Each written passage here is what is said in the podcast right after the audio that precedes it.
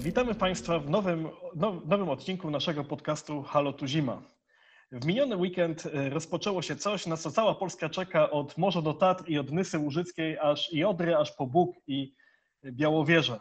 Ruszył Puchar Świata w skokach narciarskich. Zanim przejdziemy do tego, co, co, co, co działo się w Niżnym Tagile, pojedziemy na chwilę do krainy Tysiąca Jezior, czyli do dalekiej Finlandii i e, omówimy to, co się działo w narciarstwie alpejskim, a działo się wiele. Panie rywalizowały tam w slalomie.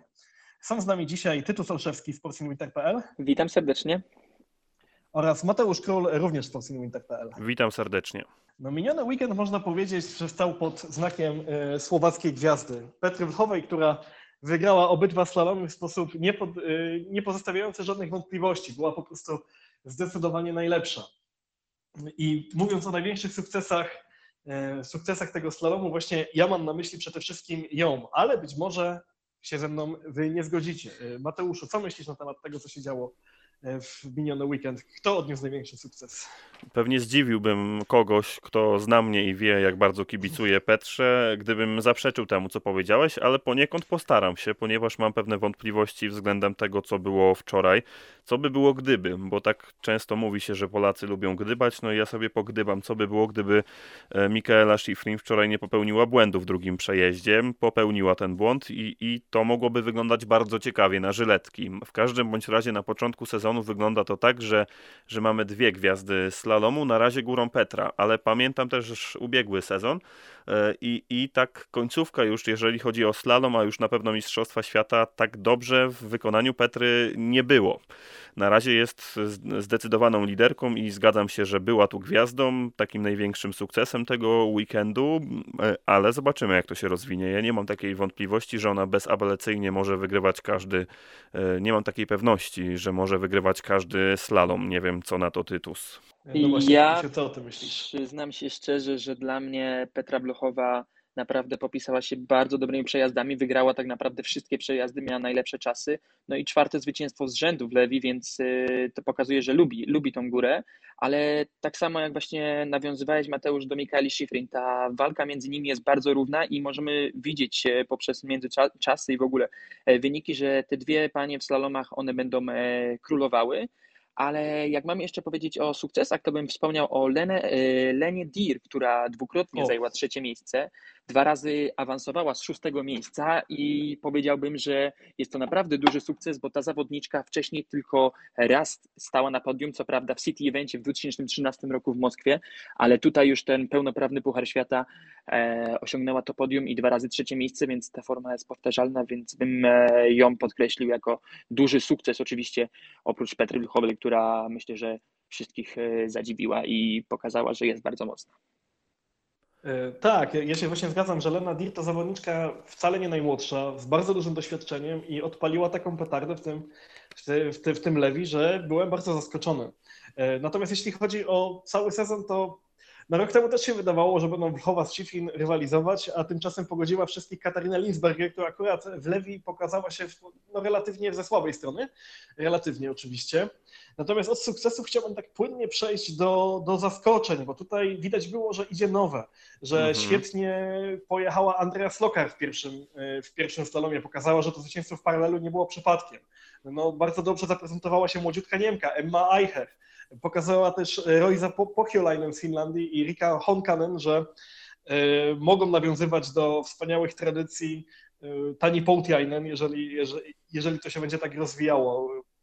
Także, także, także moim tutaj wymieniłem te zawodniczki, które mnie najbardziej zaskoczyły, ale ciekawym, kto Was najbardziej zaskoczył. No właśnie, ja przed chwilą analizowałem tak te wyniki i te nazwiska, które wymieniłeś, mam wypisane, ale jeśli chodzi o takie zaskoczenia z życiówkami, na przykład to Ali Nullmeier z Kanady, też na 14 miejscu aequo ze wspomnianą Emmą Eicher, która pokazuje tydzień kolejny z rzędu, że stać ją na poprawianie tych życiówek, bo 14 miejsce to jest życiówka. Leona Popowicz, rzecz, jasno, rzecz jasna także O, tak. E, To jest życiówka jej i wspomniana Finka, a jeszcze zaskoczeniem, choć nie do końca, bo, bo to zawodniczka, która pokazuje już od jakiegoś czasu, że stać ją na wysokie rezultaty, to życiówka oczywiście Dubowskiej, Czeszki, to, to też jest coś, co mnie tutaj może zaskoczyło, ale tak nie w takim największym stopniu. W każdym bądź razie to szóste miejsce jak najbardziej myślę, że, że do takich pozytywnych zaskoczeń można zaliczyć. No tak, mogą wrócić te czasy, gdzie było czesko-słowackie podium w slalomie, tylko wtedy to były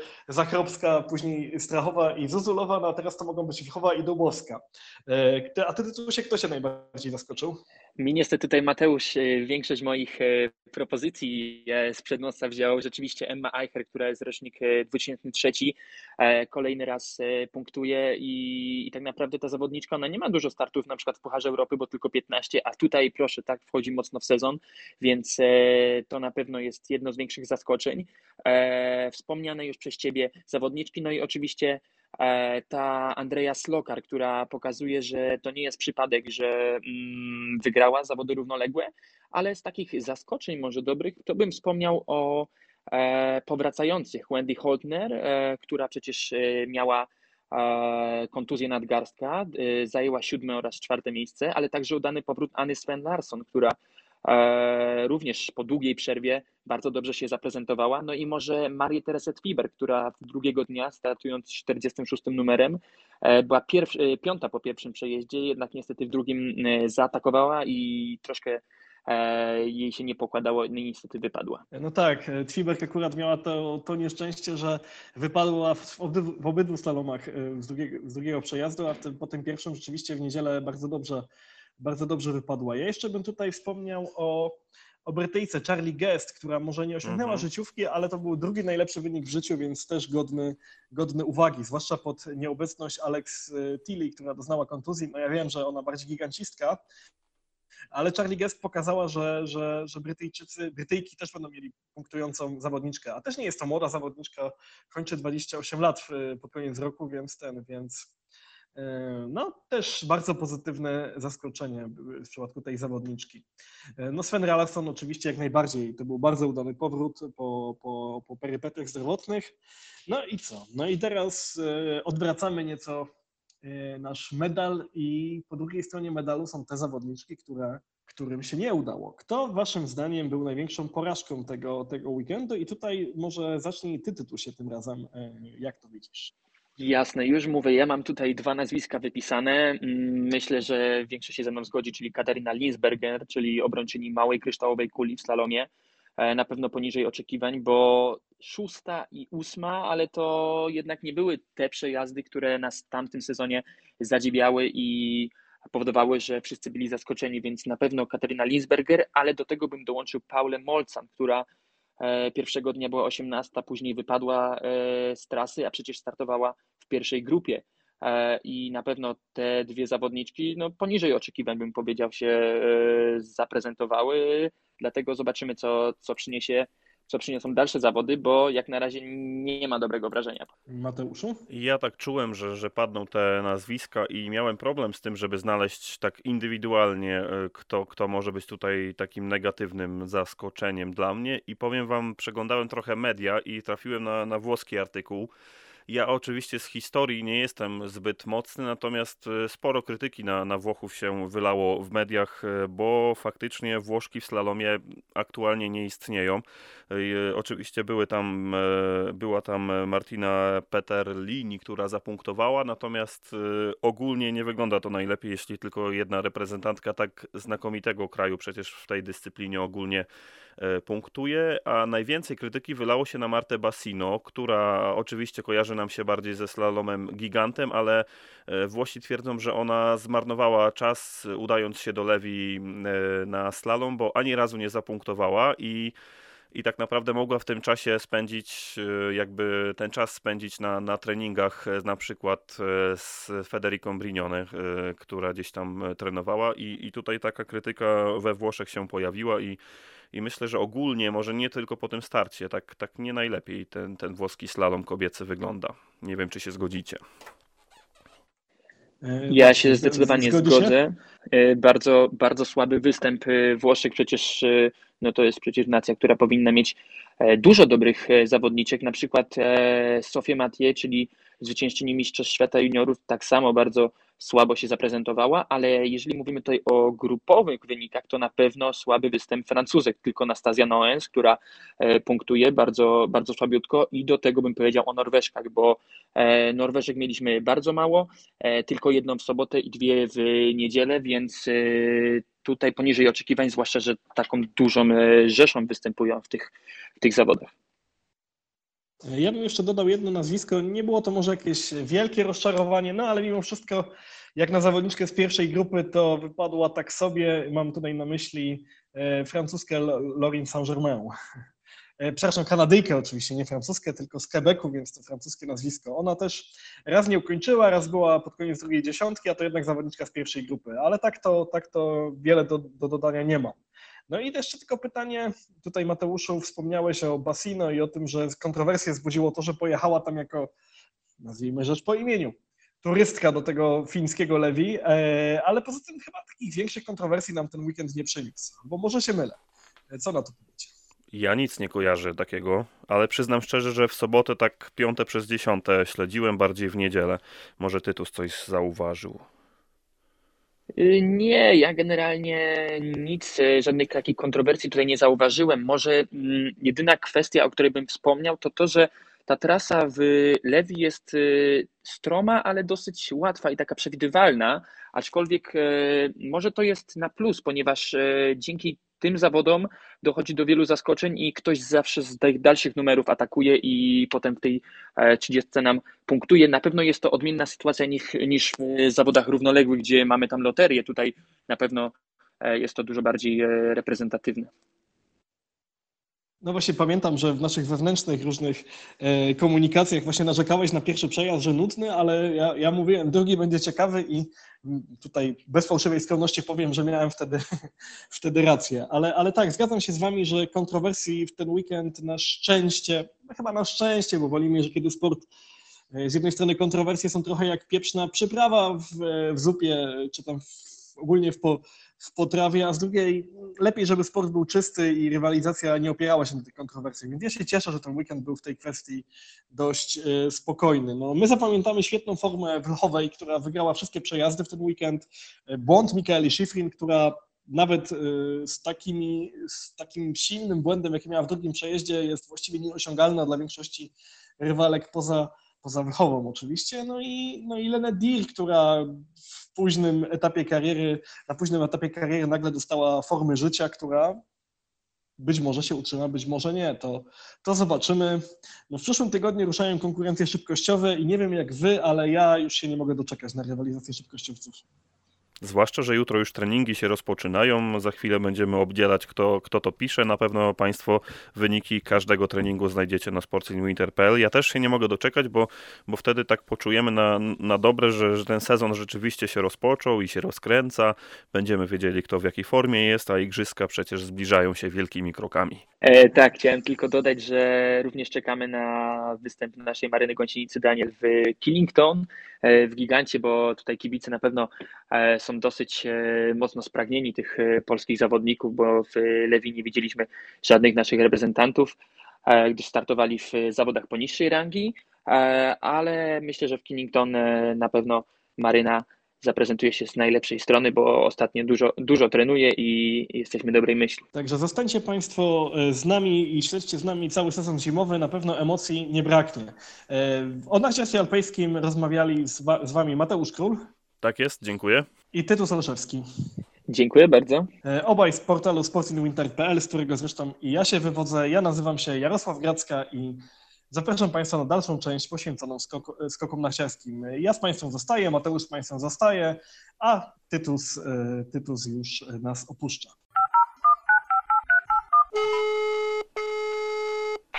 Halo, tu zima.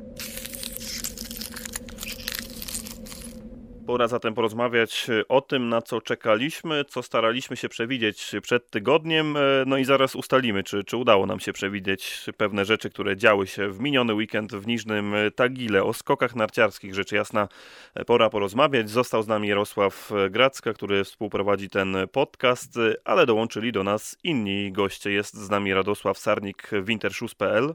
Witam serdecznie wszystkich słuchaczy. Piotr Wojtaszczyk, sportsinwinter.pl. Witam serdecznie. Mateusz Wasiewski, sportsinwinter.pl. Witam, witam. A ja nazywam się Mateusz Król i pora zatem porozmawiać o tym, co się działo w miniony weekend. Zacznijmy od pozytywów, bo pozytywy to, to coś, czego trzymać się trzeba.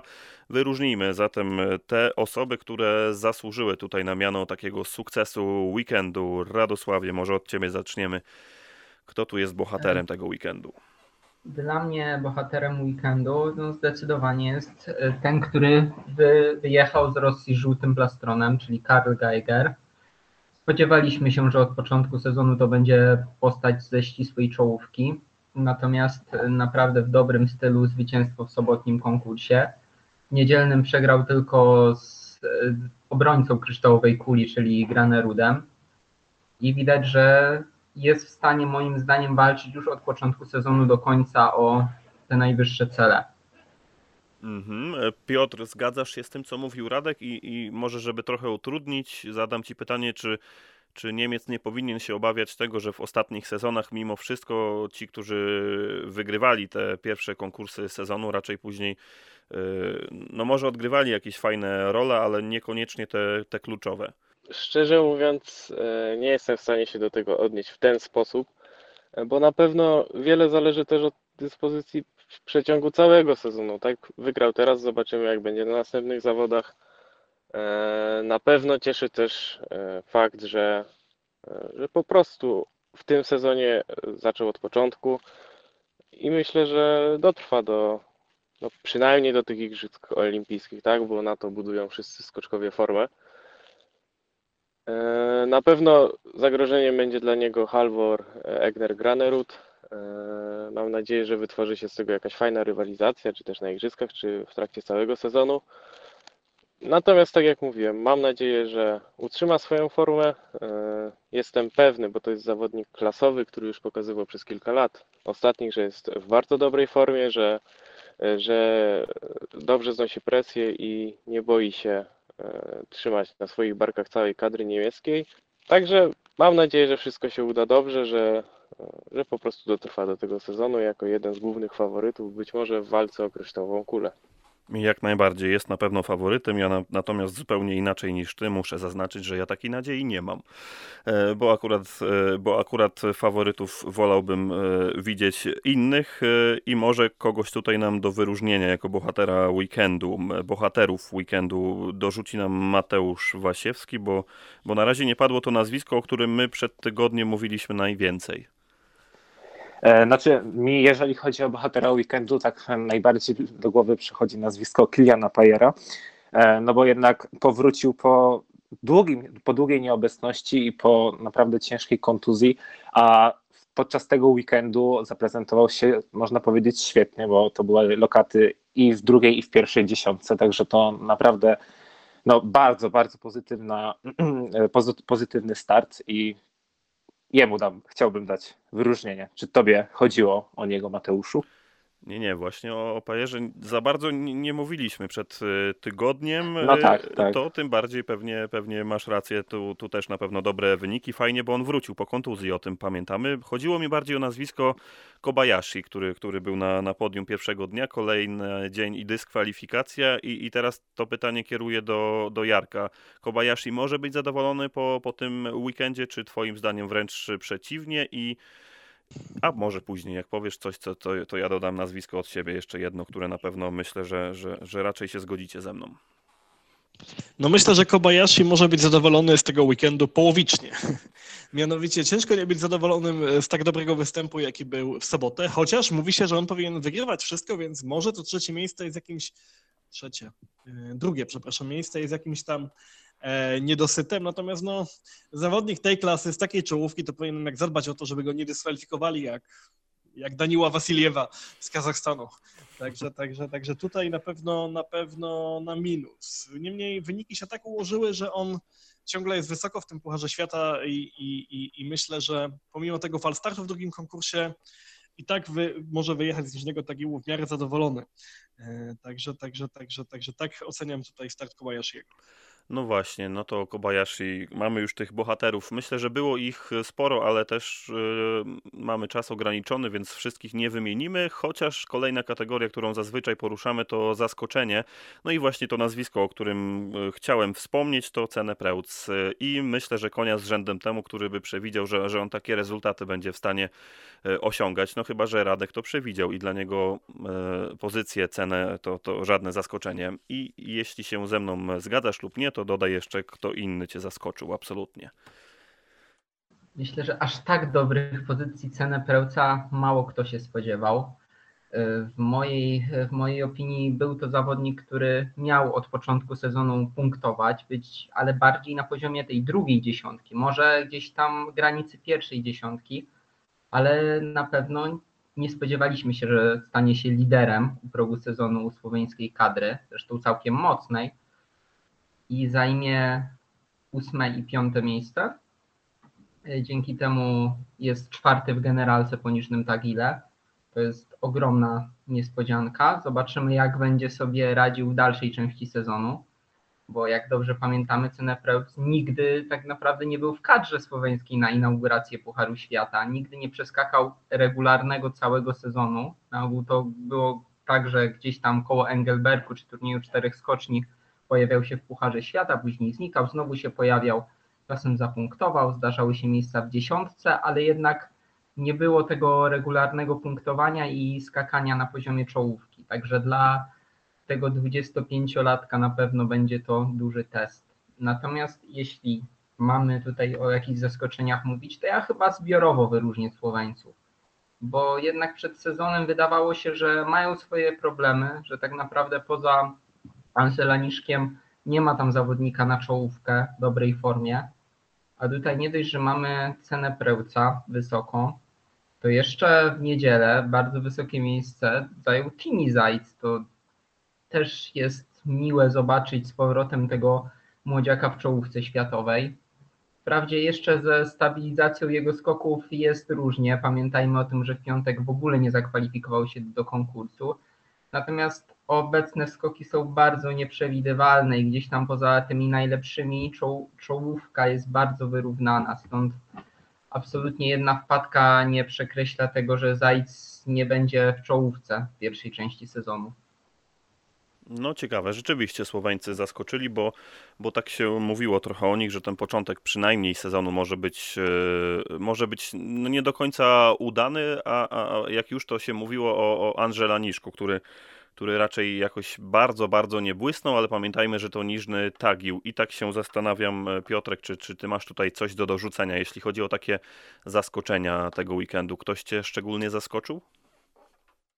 No, ja byłem pod wrażeniem skoków e, do ostatniej próby, bo zepsuł ostatni skok. E, na Okiego na Kamury. Bardzo dobra dyspozycja, bardzo fajnie, że, że Japończyk w końcu się przełamał. Mam nadzieję, że to będzie trwało dłużej, tak samo jak z Karlem Geigerem, ale e, no tutaj nie chcę wróżyć z fusów, nie wiem jak to będzie wyglądać. Na pewno taki plus e, dla japońskiego zawodnika ode mnie. Mhm, my, drodzy Państwo, mamy taki wewnętrzny typer redakcyjny, trochę się bawimy. Jednym z pytań na, na sobotę było, który zawodnik e, otrzymał naj, no, otrzyma najwięcej punktów e, za styl i myślę, że nikt tego nie przewidział, że właśnie Naoki Nakamura w całym konkursie otrzyma najwięcej punktów za styl i to też dla mnie jest zaskoczenie. A Mateusz Wasiewski czym najbardziej był zaskoczony tak, że aż musiał zbierać szczękę z podłogi? A ta, tak, żeby zbierać, to niczym w sumie.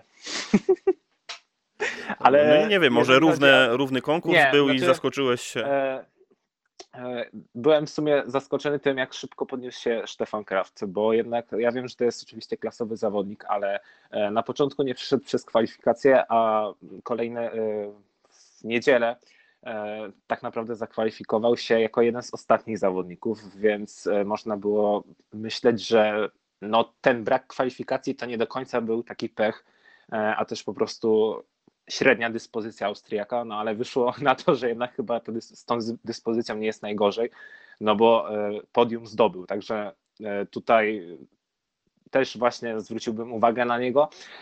Jeżeli chodzi jeszcze o pozostałych zawodników, to bardzo pozytywnie Stefan Laje, który też powrócił tak jak Pajer i też wszedł do czołowej dziesiątki. To też no, ta, taka postawa, która po prostu e, no, e, po prostu cieszę się, że jest on w tej czołówce, mimo że no, to nie jest mój jakiś e, ulubiony zawodnik, natomiast fajnie, że że ci, co mieli kontuzję, wracają i pokazują się z naprawdę dobrej dyspozycji. No i to tyle. Okej, ja tak się zastanawiam, Jarku, czy jakbyśmy podzielili ten weekend na przykład do soboty i, i osobną niedziela, to, to czy takim zaskoczeniem dla nas, patrząc na to, jakie perypetie były w trakcie tych przygotowań, tego co przed, e, przed samym startem sezonu się mówiło, czy wśród zaskoczeń mimo wszystko nie byłoby to, że, że Kamil Stoch mimo wszystko pokazywał się chyba najlepiej z naszej kadry w ten weekend? Nie było to dla ciebie zaskoczenie? Hmm. To jest ciekawe pytanie, bo mm, Kamil Stoch zapewnił nam pewnego rodzaju huśtawkę nastrojów. Najpierw wielkim zaskoczeniem była dla mnie jego postawa w piątkowych kwalifikacjach, gdzie wydawało się, że jest wspaniale. Zupełnie niespodziewanie i to było duże zaskoczenie. Potem pierwszy skok w sobotę pokazał, że może nie jest wspaniale, ale nie jest też tak źle, no bo drugi skok był wspaniały znowu. A w niedzielę, no właśnie niedzielę oddzielmy może tą grubą kreską. Więc tak, na pewno to, że Stoch się już w dużej mierze odbudował, chociaż jeszcze nie jest w swojej mistrzowskiej formie, bo jak będzie w swojej mistrzowskiej formie, to nikt wtedy nie ma z nim szans, to tak, to było dla mnie zaskoczenie. Natomiast y, jeśli chodzi o te zaskoczenia, o których, o których mówiliśmy, dla mnie zaskoczeniem jest to, że Simon Aman po 40 dwa razy jeszcze zapunktował, więc y, a trzecim zaskoczeniem dla mnie było to, że Fatih Arda i Psioglu prze, prze, prze, przebrnął przez kwalifikacje. Y, W konkursie co prawda wiele nie osiągnął, ale naprawdę odpadło ponad 20 zawodników, więc to należy zauważyć. Jak najbardziej, mimo że, że, że tam pewnie wpływ na to miały warunki, ale jakby odchodzimy od tego, bo, bo taka jest ta dyscyplina, że, że po prostu czasami trzeba mieć trochę szczęścia w tym wszystkim. E, Może szczęścia nie tylko do warunków, ale też do słabszego dnia tych zawodników, którzy są raczej murowanymi faworytami do tego, aby do konkursu wejść. Czytaj chociażby Stefan Kraft, e, który w piątek odpadł. No skoro mówimy o tym, kto, kto trochę tak płynnie przechodząc do tego, kto nas zawiódł i, i przed chwilą pierwszy raz w ogóle od początku, odkąd rozmawiamy, padło polskie nazwisko. Nie chcę nic sugerować, Radek, ale no wydaje mi się, że jesteśmy rozczarowani i nie ma co ukrywać po tym pierwszym weekendzie. Bez wątpienia spodziewaliśmy się więcej. Nim przejdę do pozostałych naszych reprezentantów, jeszcze wtrącę słówko o Kamilu. Mianowicie, no, widziałem e, w ten weekend obraz Kamila taki sam, jak przez ostatnie 2-3 sezony, czyli Kamila mega chimerycznego, Kamila, którego jednego dnia stać na skoki pozwalające na walkę o podium lub nawet o zwycięstwa, a drugiego dnia ledwo walka o 30 i to jeszcze nieudana tym razem. Także ja się troszkę obawiam, że możemy przez cały sezon oglądać takiego Kamila. To oczywiście będzie miało swoje plusy, bo uważam, że 40 zwycięstwo w tym sezonie musi się przytrafić. Podia na pewno będą się przytrafiać, ale nie raz, nie dwa będziemy też się prawdopodobnie rozczarowywać skokami Kamila. Natomiast, żebyśmy w ogóle mieli jakiś punkt zaczepienia do dobrych występów na naszej kadry, to muszą inni zacząć punktować mocniej. No bo to, co się stało w ten weekend, no to jest porażka. Szóste miejsce w Pucharze Narodów. Niewiele przed Szwajcarią, który, gdzie prawdopodobnie wyprzedziliby nas, gdyby nie koronawirus u Deszwandena. Piotr Żyła i Dawid Kuwacki zapunktowali tylko po razie w stylu bardzo średnim, a o reszcie zawodników, no to już po prostu szkoda gadać, niestety, ale widać bardzo niepokojącą rzecz. Wszyscy po wyjściu z progu bardzo się otwierali, byli niepewni. Kuba Wolny wręcz mam wrażenie był jakiś taki asekuracyjny, tak jakby bał się gdzieś tam mocniej nacisnąć na narty, po, powalczyć w tej pierwszej fazie lotu, a później już brakowało zdecydowanie prędkości przelotowej, żeby osiągnąć dobrą odległość. Fartowny punkt Andrzeja Stękały, no, dobrze, że zdobył punkty, ale jeżeli trener Doleżal w rozmowie jasno powiedział, że Stękała pojechał do Niżnego Takiu za zasługi z poprzedniego sezonu i ten Andrzej Stękała został u nas numerem 4, no to znaczy, że jesteśmy daleko w lesie i mam nadzieję, że nie zaczniemy się w tym lesie urządzać. Okej, okej. E, Czas nas goni, więc będę prosił o takie szybkie, zwięzłe zdania. No Piotr, co nam tutaj dorzucisz do tych rozczarowań? Chyba, że chcesz dalej kontynuować temat reprezentacji Polski, bo no może z naszego punktu widzenia to tak wygląda, ale mm, patrzę na to i słucham tego, co Radek mówił, patrzę na Puchar Narodów, no nie jest kolorowo po tym pierwszym weekendzie. No na pewno nie jest kolorowo, nikt się nie spodziewał, że będzie aż tak źle. E, Zaskoczeniem jedynie dla mnie jest dobra forma Kamila, bo rzeczywiście e, spodziewałem się, że będzie o wiele gorzej. Jestem bardzo e, wkurzony po prostu, bo liczyłem, że to będzie fajny sezon, że te pierwsze zawody sezonu będą fajne, bo wiadomo, sezon jeszcze będzie trwał. Że się uda zrobić to w sposób taki po prostu przyjemne, że Polacy zajmą chociaż może nie te pierwsze, drugie, trzecie miejsce, ale w dziesiątce, chociaż w piętnastce, a udało się to tylko raz w cały weekend, więc no mam nadzieję, że będzie lepiej. I też wielkim rozczarowaniem jest dla mnie sam, sama inauguracja w Niżnym Tagile. Ta skocznia jest dla mnie bardzo, bardzo nieprzyjemna. Nie lubię zawodów na niej, są warunki bardzo loteryjne, tak to widać po Stefanie Krafcie na przykład, który nie zakwalifikował się potem, ledwo wszedł do konkursu, a potem zajął trzecie miejsce. Także mam nadzieję, że w przyszłym roku yy, komitet organizacyjny pierwszego konkursu się zmieni, być może na Wisłę, mam nadzieję, albo na jakiś inny, mniej loteryjny, yy, mniej loteryjne miejsce, bo nawet taka ruka bywała bardzo niesprawiedliwa dla zawodników. Okej, okej. Y, No to Mati, tak żeby, żeby nie popadać w marazm, jeśli chodzi o reprezentację Polski, to ja ci dodam, że, że przed nami chyba w Pucharze Narodów jest Austria, też niezbyt wysoko. Może to pokłosie tego, że Stefan Kraft nie awansował do, do pierwszej serii pierwszego konkursu, y, no ale ogólnie y, Austria pojedyncze świetne skoki mam wrażenie, a, a jednak z takim końcowym rezultatem nie do końca. No chyba, że stwierdzisz, że mieli pecha. E, Nie, ja, ja się z Tobą w pełni zgadzam.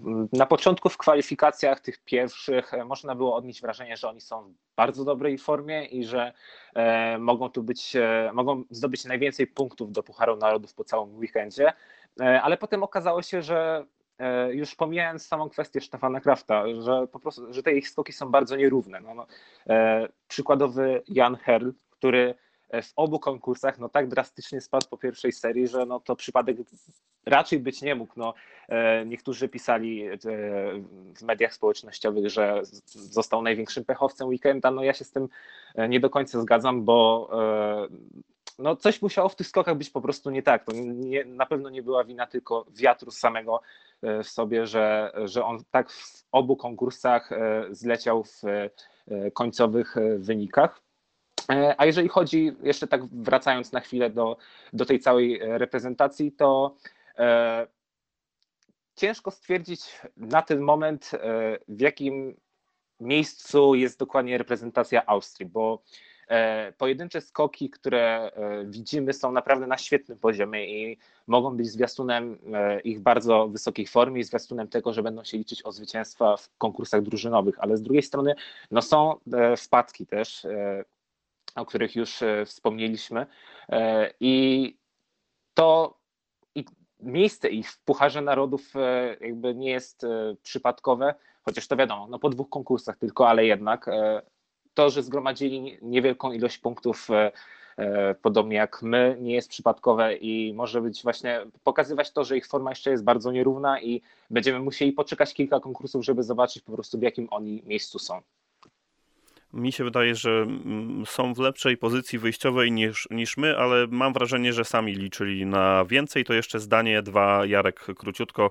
Y, Czy masz tutaj jakieś inne rozczarowanie w, tra- w trakcie tego weekendu? No tak myślę właśnie, mówiliśmy o naszych zawodnikach, mówiliśmy o Austriakach, e, czy inne rozczarowanie. Myślę, żeby właśnie e, znaleźć kogoś tutaj ciekawego do tej kategorii, ale nikt tak naprawdę nie przychodzi mi do głowy tak, tak, tak, tak, tak na pierwszy rzut, tak na pierwszy rzut oka. Ale tak, e, wyróżniłbym jednego Austriaka, jeśli chodzi o rozczarowanie, mianowicie Jan Herl, który pokazuje, że nie potrafi oddać dwóch równych skoków w konkursie e, i to raczej nie jest przypadek. Także to takie moje specjalne rozczarowanie. Okej, no każdy ma jakieś rozczarowania. Ja raczej podpisuję się pod wszystkim, co tu było powiedziane. Czekamy na rukę, czekamy na to, aż e, rzeczywiście zobaczymy, może w równych warunkach. E, Nie zganiam absolutnie w przypadku naszych na, na warunki, choć pewnie też ten pech się e, jakoś wkradł. Cały sezon jest długi, już nieraz mieliśmy takie sytuacje, że zaczynaliśmy słabo, a później się rozkręcaliśmy. Oby szybko udało się wyciągnąć pewne wnioski. Być może tych, o których się pisało w wkładkach słynnych, jeszcze nie było. Może one coś nam tutaj dodadzą. Oczywiście puszczam oko, chociaż tego Państwo nie widzicie. E, O kontrowersjach rozmawiać dziś nie będziemy, bo ja myślę, że wszyscy się zgodzicie, że czas nas goni i to, że, że ten po prostu Puchar Świata w Niżnym Tagile to jedna wielka kontrowersja. O kontrowersjach przez cały sezon pewnie jeszcze się sporo e, narozmawiamy. O skokach narciarskich rozmawiali dziś e, ze mną Radosław Sarnik w wintershoes.pl. Dzięki. Y, Dziękuję za uwagę i pozdrawiam wszystkich. Jarosław Gracka sportsinwinter.pl. On też się z nami żegna. Dziękuję bardzo i do zobaczenia. Do usłyszenia. Mateusz Wasiewski i Piotr Wojtaszczyk sportsinwinter.pl zostają ze mną i za chwilę jeszcze kilka minut o biegach narciarskich porozmawiamy, bo to rusza już w najbliższy weekend. Halo, tu zima. Zmiana tematu, rozmawiamy o biegach narciarskich. Piotr Wojtaszczyk, Mateusz Wasiewski, sportsinwinter.pl są ze mną. Panowie, zanim zaczniemy, to krótkie wypowiedzi trenera Martina Bajciciaka, chciałem powiedzieć Lukasa Bauera. Tym razem nie e, o, o kobietach trochę nam Bajciciak naszych opowiadał. Możecie to przeczytać w szerszym ujęciu na sportsinwinter.pl. No i posłuchajcie, co o formie i, i o, tych, o tym, czego się spodziewa trener w tym sezonie, opowiadał właśnie nam. Która impreza będzie docelowa w tym sezonie dla pana zawodniczek? Bo w ostatnich latach przyzwyczailiśmy się w Polsce, że, że to raczej młode dziewczyny, dla których e, juniorskie mistrzostwa są ważne, albo te U23, a teraz są igrzyska. I czy to coś zmienia w podejściu? No tak teraz jest ten problem, że e, mistrzostwie właśnie. świata U23 i juniorské začínają uh, 21 uh, lutego. No, tam je troška problém, že sa to križuje s tou uh, 30 ležvou. No, mám nádej, že, že, že Iza by mala štartovať na, na, tej, na tej impreze i na, i na tej české ležvou. No, dla šprinteriek to nie je taký veľký problém, myslím, no ale no, teraz je to, včasne to, to dáta bolo, bolo lepšie teraz, jak, jak Vysozičiata zobral, zobralo no, Norsko, tak trošku máme menej času, menej času na, na, na, na to, na ten e, výjazd z olympijských ihrisk do, do, no, do, to Norveží, no, takže, ale v, ka, v, ka, v každém případku sa přigotovujeme na igriska olympijské, uh-huh. Mhm. zrobíme uh, tu bezprostředné uh, přípravy sportové uh, dla uh, olympijských igrisk, že by sme tam pokazali uh, vysoké pozium. No a potom sa presunieme na, na juniorské mistrovství šata. No. Tak uh, tylko jest taka kalkulácia, ktoré uh, potom uh, tie, tie disciplíny na olympijských igriskách. No. Mhm. Zobačíme, jak, jak, jak to pózium będzie w, w Pucharu Świata. Dlatego zrobimy decyzję, że e, na, na końcu Igrzysk Olimpijskich. A stać te dwie dziewczyny przynajmniej już na takie regularne punktowanie w Pucharze Świata, pana zdaniem? No ja myślę, że jest czas, tak, żeby, Mhm. żeby, to, żeby to szło. Mhm. Jestem ciekawy, czego oczekujecie, drodzy panowie, po kadrze kobiecej w tym sezonie. Może rozpocznie Mateusz Wasiewski, bo zdaje się tak krótko, oczywiście mówiąc o tym, co, co widzieliśmy, przynajmniej po wynikach y, na tych testowych zawodach przedsezonowych. y, Optymistycznie, jeśli chodzi przynajmniej o dystanse, raczej na to nie patrzymy, co? No nie patrzymy, nie patrzymy. E, trochę niepokojące jest to, że Izabela Marcisz zbliża, bardziej odwrotnie, Monika Skinder zbliżyła się do Izabeli Marcisz na dystansach, a, a nawet z nią e, ostatnio wygrała. To jest niepokojące, bo e, no, Iza może wejść spokojnie w sezon. Oczywiście nie oczekujemy, że będzie od razu w super formie, ale jednak przegrywa z koleżanką z kadry, która jest typowo specjalistką e, od e, sprintów e, i w poprzednim sezonie Iza potrafiła naprawdę sporo dołożyć Monice na dystansie, a jednak tutaj no, przegrywała po prostu, więc, więc to nie wygląda, nie wygląda najlepiej, aczkolwiek no jeszcze ten ostatni bieg, gdzie zajęła siódme miejsce, co prawda wielką stratą do Carlsona, już mniejszą na przykład do Kalli, no nie był najgorszy, natomiast tak jak mówisz, e, nie do końca optymistycznie można na to patrzeć. E, jeżeli chodzi o cele na ten sezon, według mnie, to e, ja bym chciał zobaczyć już regularne punktowanie, bo dwa, trzy lata temu mówiło się, że te dziewczyny właśnie potrzebują takich kilku lat, żeby żeby zaczęły regularnie wchodzić do czołowej 30 Pucharu Świata i wydaje się, że no to jest dobry moment na to, żeby one e, zaczęły regularnie punktować. Zresztą trener Bajciciek w rozmowie z tobą też na to zwrócił uwagę, że to jest ten moment, w którym e, one powinny znaleźć się w tej czołówce. E, I tego tak naprawdę oczekuję. No fajnie by było zobaczyć Monikę w jakimś półfinale, chociaż no to już jest czołowa dwunastka, to już jest bardzo wysoko. E, nie wiem, czy to jest możliwe, bo też Monika nie biegała jakoś super w tych sprintów przedsezonowych. E, natomiast przede wszystkim chcę widzieć tą regularność czołowej 30. Czy wrócę już, to zobaczymy. No, ciężko, by, ciężko mówić, że tak, widząc to, co się stało podczas sprawdzianów. No ale wierzmy, że tak będzie i po prostu one będą punktować.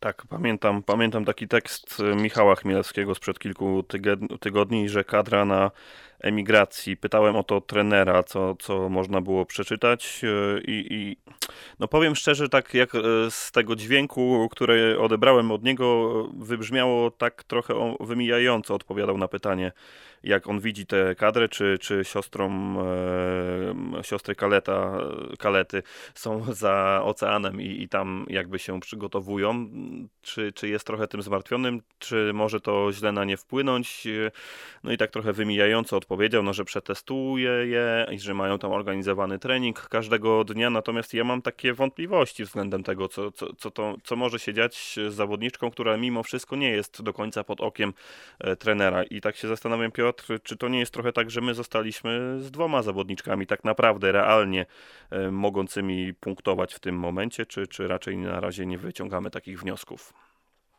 Zakładając, że oczywiście dobrze będą się spisywać i Iza i Monika, a o tym przed chwilą też mówiliśmy, że tu są znaki zapytania. No ja byłbym bardzo zadowolony, gdyby one rzeczywiście punktowały w tym Pucharze Świata. Bo z tym, jak wiemy, bywało różnie w poprzednich latach. E, nie wiem, co o tym sądzić, bo też jestem troszkę, e, troszkę rozczarowany tymi e, ostatnimi wynikami dziewczyn w szczególności Moniki, bo na takich zawodach przedsezonowych chciałoby się, bo ona już wchodziła chociaż do tego półfinału. Raz jej to się udało chyba, tak? 11 miejsce zajęła. Ale ostatnim razem niestety odpadła w ćwierćfinale.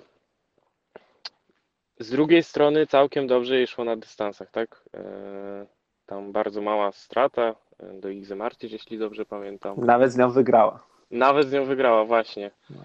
Także no może idzie bardziej w kierunku tych dystansów, dlatego jest znowu tak słabo. Trener zaprzecza. Tego... Trener zaprzecza. A skoro trener zaprzecza, to rzeczywiście coś musi być e, w tym, że po prostu lepiej jej zaczyna iść na dystansach, bez względu na to, że w sprintach idzie jej cały czas tak samo jak szło. Nie wiem, mam nadzieję, że będzie dobrze, że chociaż kilka razy w tym sezonie jej się uda zapunktować w tym sprincie. E, na pewno byłoby bardzo dobrym wynikiem, tak jak mówiliście wcześniej, ten półfinał e, Pucharu Świata, chociaż to chyba jeszcze troszkę za wysokie progi. No i tyle chyba. Różnie może być. Ja, ja, krótko jeszcze zapytam Matiego, czy pamięta jak było przed rokiem z Moniką, jeśli chodzi o te testy fisowskie, bo jakoś nie mam przekonania, że wtedy było super. A, a jak było? E, wtedy był koszmar. Było jeszcze gorzej niż w tym, niż w tym roku. E, nie pamiętam, czy tam był sprint, ale tam był bieg dystansowy, taki nieoficjalny w Finlandii i tam e, no, dziewczyny wypadły dramatycznie źle e, i było jeszcze gorzej niż w tym roku. Także no, to jest tak, taka mała nadzieja, że może teraz e, wrócę już zobaczymy jakby inne oblicze tych dziewczyn. Zwłaszcza, że przed rokiem Monika wrócę w sprincie akurat pokazała się z bardzo dobrej strony, z tego co pamiętam. Nie wiem, czy życiówka nawet wtedy nie padła. Dokładnie, tam to, to był bardzo dobry bieg, bo e, eliminacja tam, no powiedzmy, przeszła tam z 20 którymś czasem, natomiast w ćwierćfinale bardzo fajnie powalczyła i tam naprawdę niewiele zabrakło, żeby wyprzedzić Lampić w ćwierćfinale. E, bardzo dobry finish, także to był naprawdę fajny bieg i e, przynajmniej takiego, taki byśmy chcieli pewnie zobaczyć w piątek. A w przypadku Izy myślę, że się zgodzicie, że, że bralibyśmy w ciemno przynajmniej taki scenariusz jak przed rokiem, gdzie gdzie co prawda potrzebowała dodatkowych treningów e, pod okiem e, chyba, jak dobrze pamiętam, trenera Wieretielnego, ale mimo wszystko rozpędzała się ze startu na start i ostatecznie te punkty zdobywała. Chociaż no, no, trener liczy na to, że to regularne punktowanie będzie, a jeśli regularne, to najlepiej zacząć od początku. E, o ile wiemy trochę o tym, jak, w jakiej formie są kobiety, o tyle o, o mężczyznach naszych chyba niewiele wiemy, w jakiej dyspozycji się znajdują, bo, bo gdzieś tam miał być ten start w Młonio, później go nie było.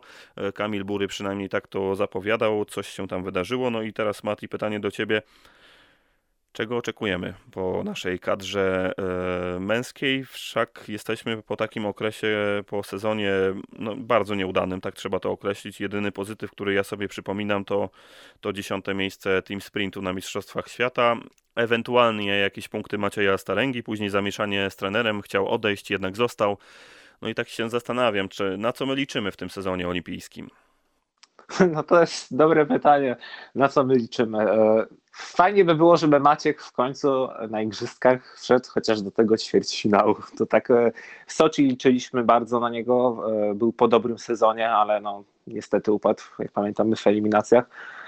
No teraz ma znowu sprint łyżwą, już wiadomo jaki, w jakim wieku jest, że to, że, że no, życiówki prawdopodobnie już nie będzie w stanie zrobić. Natomiast no fajnie, żeby, żeby wchodził tak jak dziewczyny do 30 sprintu, to już myślę, że będziemy naprawdę usatysfakcjonowani w jego przypadku. W przypadku braci Burych, no chciałoby się chociażby tego powrotu, chociażby. No, fajnie by było, jakbyśmy widzieli ich e, w takiej formie, jak byli w sezonie 2019-20, bo e, no, poprzedni, poprzedni sezon po tym całym COVID-zie, po różnych problemach, no, był bardzo nieudany, e, a jednak dwa sezony wstecz było kilka fajnych biegów i w wykonaniu Dominika na dystansach i w wykonaniu Kamila w sprintach. E, e, chłopaki pokazywali się z dobrej strony i fajnie by było do tego wrócić. No, nie jestem do końca przekonany, czy tak będzie, e, bo z tego co słyszeliśmy, z tego co ja słyszałem, te biegi kontrolne w Młonie ostatecznie się odbyły i tam były dwa biegi dystansowe klasykiem i łyżwą. W klasyku e, Dominikowi e, poszło, e, że tak powiem, no źle. W łyżwie to wyglądało już znacznie lepiej, także jeżeli, no jeżeli on chociaż utrzyma ten poziom czołowej trzydziestki na tej, w tej łyżwie, w której czuje się lepiej, to będzie, to będzie myślę, że dobrze. Mhm, krótko dziś zapowiadamy ten sezon w biegach narciarskich. Za chwilę jeszcze krótko o biatlonie. Skupiamy się tylko dziś na biało-czerwonych, żeby sprawdzić, opowiedzieć Państwu to, co wiemy, to, co słyszeliśmy i, i, i, czego można się spodziewać. To jeszcze do Piotra. Lukas Bauer przychodził do Polski z taką misją utworzenia nam sztafety, która będzie przynajmniej mogła rywalizować na, na, na takim poziomie, co by dubla nie było przynajmniej, a, a zresztą ta sztafeta na igrzyska fajnie by było, jakby wróciła. Na razie mamy trzy miejsca i, i, i oto czwarte chyba to jest takie zadanie główne na, na początek tego sezonu. Myślę, że się ze mną zgodzisz, żeby, żeby to czwarte miejsce wywalczyć i żeby sztafeta wreszcie się na igrzyskach pojawiła. A jak ty te szanse widzisz? Nie wiem, jak widzę te szanse. Bo z jednej strony fajnie by było zobaczyć Polaków w tej sztafecie, ale z drugiej strony mam jakieś takie wrażenie, że że jednak patrzenie jak są dublowani nie byłoby zbyt miłe dla polskich kibiców i znowu byłyby docinki w ich stronę i tak dalej. Ale fajnie by, mimo wszystko fajnie by było ich zobaczyć. Mam nadzieję, że, że, że po prostu ten czwarty zawodnik się jakoś doszusuje do tej trójki naszej, tak? Do braci Burych, do Maćka Staręgi. Może Haratyk, nie wiem kto jeszcze tutaj, może Mati Ty pewnie znasz lepiej zawodników. e, Pomóc tej naszej trójce. E, No albo Mateusz Haratyk, albo Michał Skowron, bo ci zawodnicy zostali wybrani na rukę i w sumie, no jeszcze jest tam Kacper Antolec, ale e, no bardziej patrzyłbym chyba raczej w kierunku albo właśnie Mateusza Haratyka, e, albo Michała Skowrona, jeśli już w ogóle ta sztafeta miałaby wystartować. No Okej. więc właśnie, grono małe, wąskie. Trener Bauer też chyba e, nie spełnił naszych oczekiwań. E, Jeśli chodzi o zeszły sezon, bo ten e, no ta, ten cały cykl nie był po myśli naszych zawodników. Spisywali się o wiele gorzej niż nasze panie, mimo że panie też nie błyszczały. No, chciałbym, żeby było lepiej. Kontekście polskiej kadry, kończąc temat biegów narciarskich, na pewno w ciągu zimy będziemy o tym rozmawiać, chociażby w Dreźnie.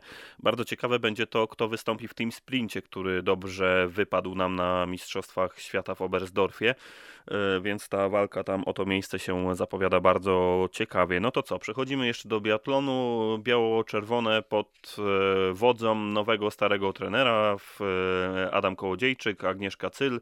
Dyrektorem sportowym została Justyna Kowalczyk-Tekieli. No i Mati Wasiewski teraz nam opowie, dlaczego cudowny sezon biatlonu nas czeka. E, No ja bym nie był aż takim optymistą, bo trzeba twardo stąpać po ziemi i no, liczyć na to, że, e, że Mati, nie czaruj. Przyszła Justyna Kowalczyk-Tekieli. Pamiętamy, jak została asystentką Wieretielnego w kadrze biegaczek narciarskich i tam od razu posypały się medale na, na mistrzostwach, od co prawda rangi juniorskiej, ale mimo wszystko chyba Monika Skinder od razu w pierwszym sezonie zdobyła punkty, a to przecież młoda zawodniczka była, nadal jest, jakby nie patrzeć. No więc tutaj myślę, że Monika Hojnisz-Staręga już regularnie na podium stawać będzie. E, To, co było w biegach, to prawda, natomiast drodzy Państwo, teraz e, Justyna miała troszkę, no troszkę, miała inną rolę w, w tym sezonie przygotowawczym. Była, jest dyrektorem sportowym, natomiast e, no ona tym wszystkim, można powiedzieć, koordynowała, natomiast e, raczej nie miała jakiegoś takiego dużego wpływu na to, co się odbywało na przygotowaniach. Oczywiście ja jestem przekonany i liczę na to, że e, że wskazówki różne dotyczące poszczególnych ćwiczeń trafiały do trenerów Kołodziejczyka i do trenerki Cy- Cyl e, i że e, jakby oni korzystali z wiedzy i jej i trenera wieritelnego, bo trener wieritelny e, też wiem, że bardzo pomagał kadrze B w Kościelisku i naprawdę dawał to, co miał przez cały sezon przygotowawczy. I jakby ja liczę na to, że, że po prostu, że te rady Justyny zostaną, zostały wdrożone. E, No a ale wracając do, do tego, jak to będzie wyglądać, to no, fajnie by było tą Monikę zobaczyć na tym podium, natomiast e, no, to nie będzie tak jak w biegach niestety i e, i trzeba liczyć na to, że, no, że, że Monika po prostu dobrze przepracowała ten, ten, ten sezon przygotowawczy. Wiemy, że jej raczej dobrze się współpracowało zawsze z Adamem Kołodziejczykiem, także no, tu trzeba liczyć na to, że to jedno chociaż podium będzie i że ona będzie znowu tą zawodniczką czołowej dziesiątki, tak jak była za Nadii Białowej, tak jak była e, za e, trenera Grajsa w pierwszym roku ich współpracy i że ta regularność znowu będzie na tym wysokim poziomie, no bo tego zabrakło w tamtym, e, te ubiegłej zimy niestety. No, ubiegłą zimę zaliczyć do, do udanych trochę ciężko mimo wszystko, tak mi się wydaje. I pytanie do Piotra, co musi się stać, żeby, żeby opinia była inna po tej zimie najbliższej.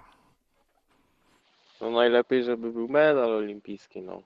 To by było fajne zwieńczenie kariery dla Moniki, bo wiemy, że już jest nie najmłodszą zawodniczką, e, ale też myślę, że jeżeli by były jakieś e, podia w Pucharze Świata, czy to jedno, czy to dwa, e, daj Boże więcej, bylibyśmy bardzo zadowoleni jako naród. Przecież biatlon to nasz ukochany sport narodowy. Nie no, żartuję, ale ale rzeczywiście tutaj, Okej. Może e, dla kogoś tutaj chcielibyśmy chyba e, kilka podiów Moniki, dobre wyniki Kamili Żuk. E, Fajnie, gdyby też inne zawodniczki pokazały się z dobrej strony, czy to w sztafecie, czy też w startach indywidualnych. Na pewno liczymy też na dobry wynik sztafety na Igrzyskach Olimpijskich. Wiemy, że nasze zawodniczki lubią zaskakiwać na dużych imprezach i prowadzić po trzech zmianach. Po czwartej bywa różnie, ale, ale to już inna historia. No A to przy tym sporcie narodowym to trzeba pozdrowić Polski Związek Biatlonu. Mamy nadzieję, że związek nas słucha i będą zadowoleni z tego tekstu, że biatlon to nasz sport narodowy. Tak, tak. Wiemy, że, że, że zdarza się, że, że ktoś nas y, słucha. No to właśnie o tej sztafecie krótko jeszcze y, no, sztafeta jest, mam wrażenie, że 10 lat temu było inaczej. Byliśmy nastawieni na, na dobry wynik sztafety, bo poziom naszych ówczesnych kobiet był dość wyrównany, często zajmowały wysokie miejsca i liczyliśmy na tę sztafetę. A teraz było tak, że patrząc na indywidualne wyniki naszych zawodniczek, chociażby minionej zimy, nikt by nie, nie spodziewał się tak dobrego wyniku w sztafecie na Mistrzostwach Świata. I czy to nie jest trochę tak, że, że, że sztafeta w biatlonie to jest ten punkt, na którym będziemy rzeczywiście patrzeć najbardziej na tej na, najbliższej zimy?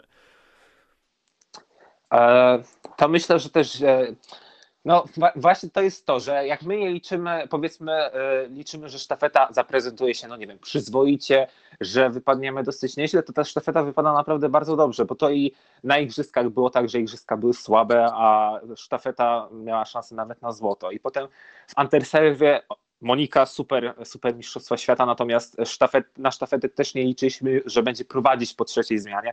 Potem poprzedni rok i znowu byliśmy w top 3 po trzech zmianach, e, mimo, e, mimo no braku czołowych miejsc w indywidualnych startach, że jakby można powiedzieć, że nie, nie wiem, e, czy tutaj w zestawieniu z jakimiś szansami na indywidualny start Moniki Hojnisz będziemy upatrywać sztafetę jako tą główną jako, te, jako to główne danie e, igrzysk, jeśli chodzi o biatlon.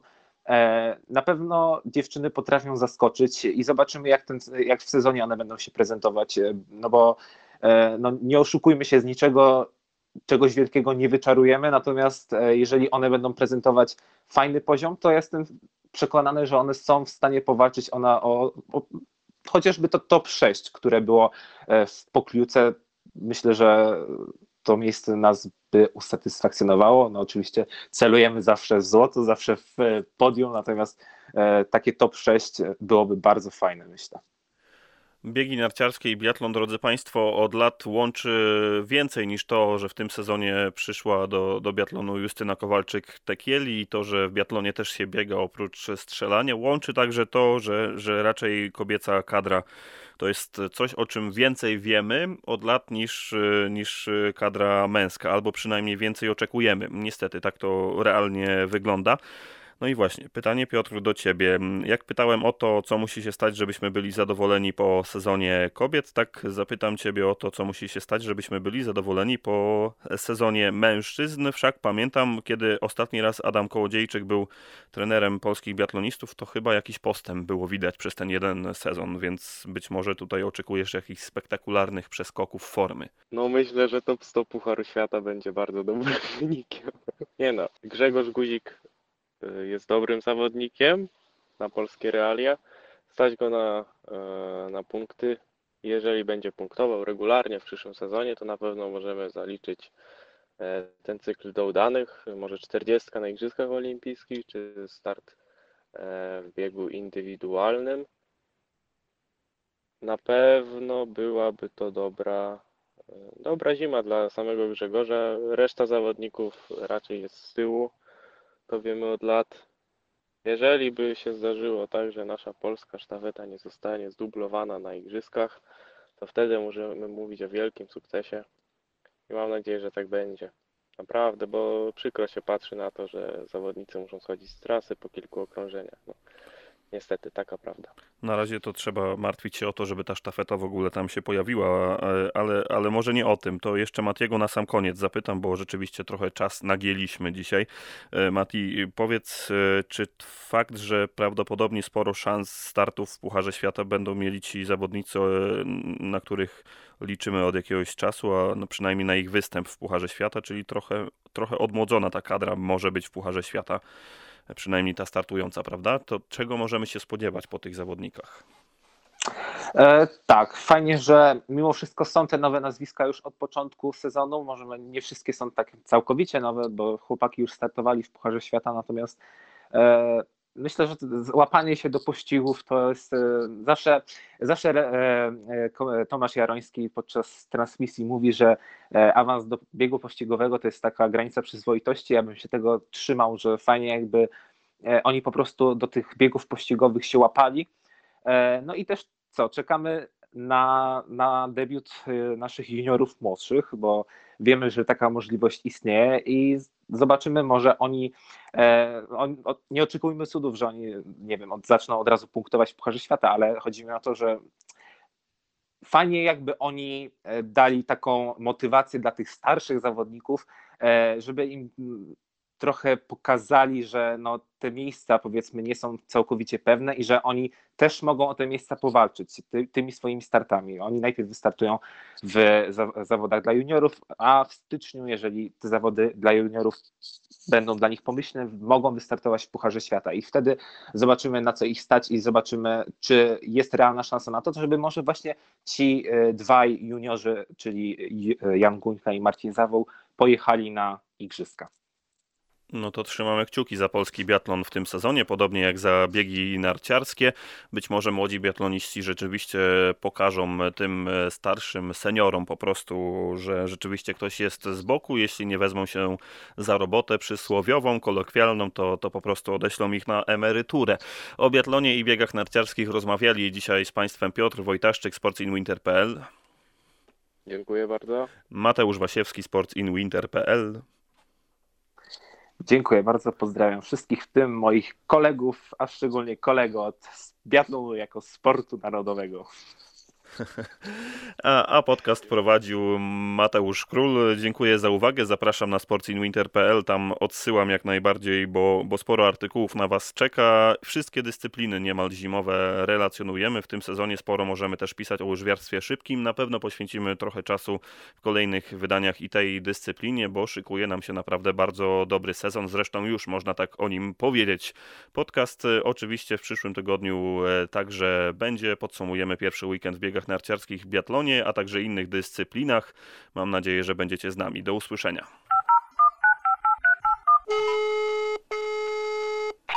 Halo, tu zima.